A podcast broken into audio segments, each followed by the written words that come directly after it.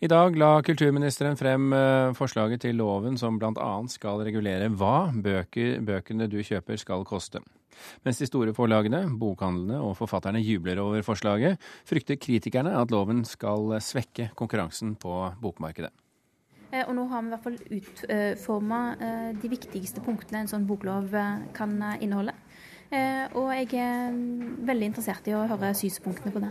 Bokloven kulturministeren la frem på høring i dag, erstatter bransjeavtalen. Den har hittil bare angått medlemmer i Bokhandlerforeningen og Forleggerforeningen. Nå vil loven gjelde alle i hele bransjen.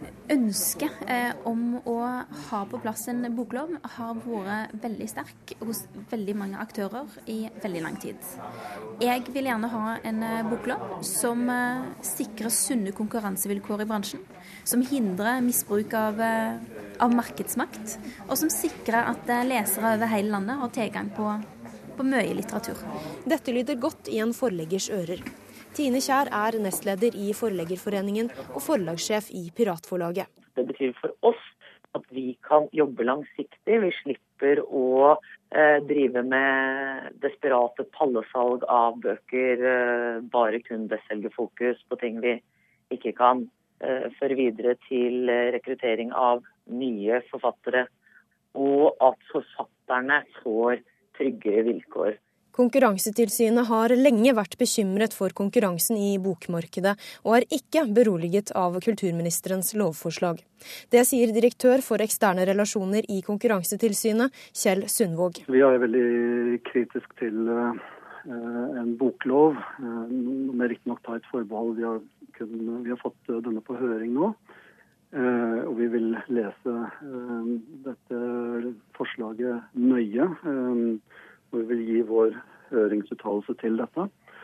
Men i utgangspunktet så er vi skeptisk til en, en boklov som innebærer en videreføring av eh, det unntaket som, eh, som bransjen i dag eh, gjennom bokloven har fra konkurranseloven. Vi mener jo at fastprissystemet som det jo her er snakk om, bidrar positivt i i boksammenheng. Vi ser at eh, fastprissystemet bidrar til kryssubsidiering, som i praksis betyr at eh, man får en bredde av boktitler fra forlagene inn i bokhandlerne, og at det er noe som kommer leserne til gode, at man får tilgang til, til veldig mye ulik litteratur. En boklov vil kunne eh, sikre sunne konkurransevilkår i den norske bokbransjen. Det er det beste vernet mot eh, store internasjonale giganter sa kulturminister Hadia Tajik til reporter Trine Leion. Sigmund Løvaasen, leder i Den norske forfatterforening. Er du lettet over at forslaget omsider har kommet? Ja, vi er veldig letta og glade. Og vi ser at uh, Kulturdepartementet har gjort en, uh, lagt ned mye arbeid i dette her. Og vi setter veldig pris på at de også har vektlagt uh, forfatteren og leseren særlig i, i det arbeidet. Men, men, hva syns du om forslaget som sådan? Det, det, ser veldig lovende ut, eh, for det er jo eh, altså fastprissystemet som er det eh, absolutt viktigste å, å få videreført fra, fra bokavtalen vi har i dag. For å sikre norske lesere lik tilgang rundt om i hele landet til mangfoldet av norsk litteratur. Og det er jo, eh, Vi ser jo også positivt på at eh, retten til standardkontrakter mellom eh, forfattere og forlag er slått fast i loven. Og retten til abonnementsordninger som sikrer at et stort utvalg av litteraturen går ut til mange ulike bokhandlere.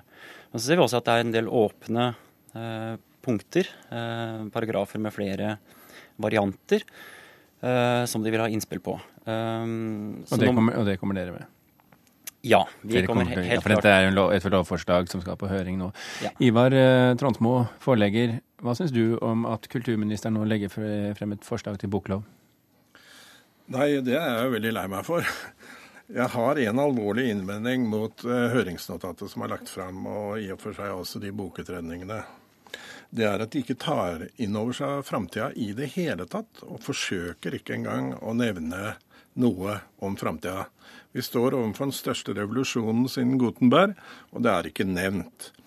Jeg kan derimot si hvordan framtida kommer til å se ut hvis det blir fri konkurranse. Vær så god. Eh, om ti år så vil vi ha mangedobbelt bokutvalget. Bokprisene vil være halvert, halvparten av bokhandlene er forsvunnet, og det er kommet helt nye aktører på markedet.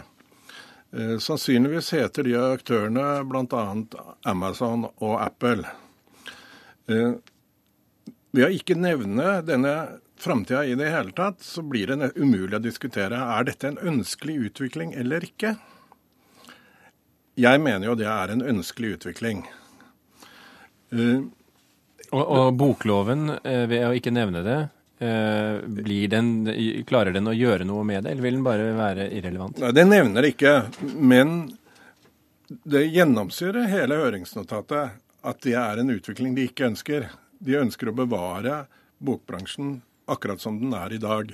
Det står flere steder i høringsnotatet at en viktig altså, målsetting med loven er å opprettholde eh, bokhandel, en landsdekkende bokhandel, som det står.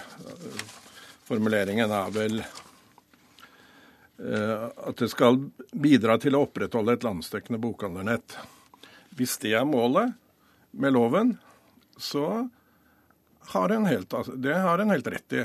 Hvis det vil opprettholde et bokhandelnett over hele landet, så bør man få en boklov. Men du mener at det er ikke det man bør være på jakt etter?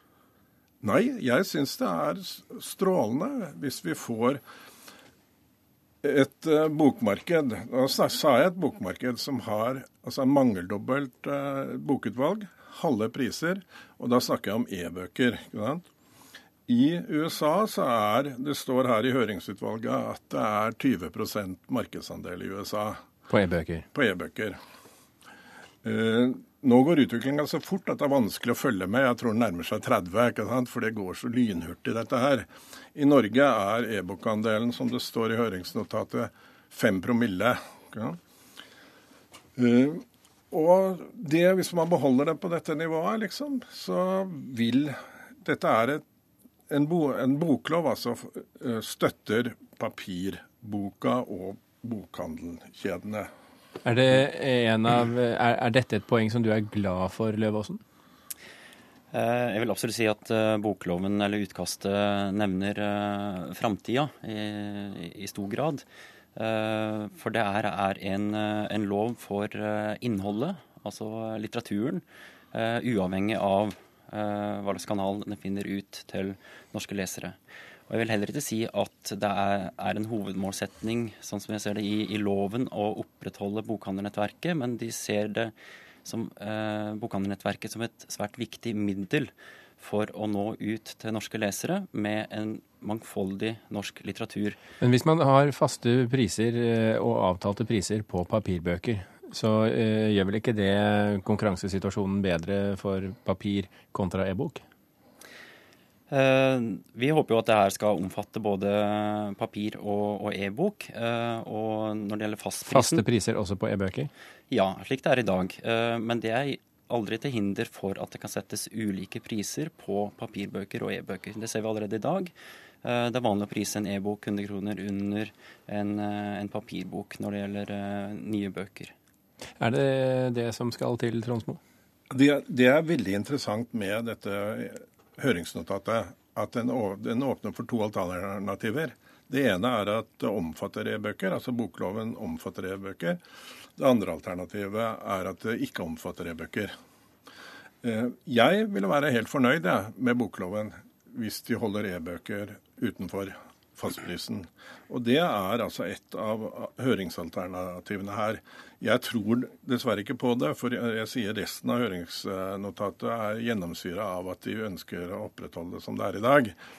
Og men vi får se hvordan det går, for dette er jo nå et forslag som skal ut på høring, og alle får lov til å uttale seg. og Så får vi se når konklusjonene skal trekkes, og om vi da kommer dit, eller om vi kommer dit. Vi eh, vet ikke det ennå. Ivar eh, Tronsmo, forlegger, og Sigmund Løvaasen i Norske Forfatterforening, takk for at dere kunne komme til eh, Kulturnytt.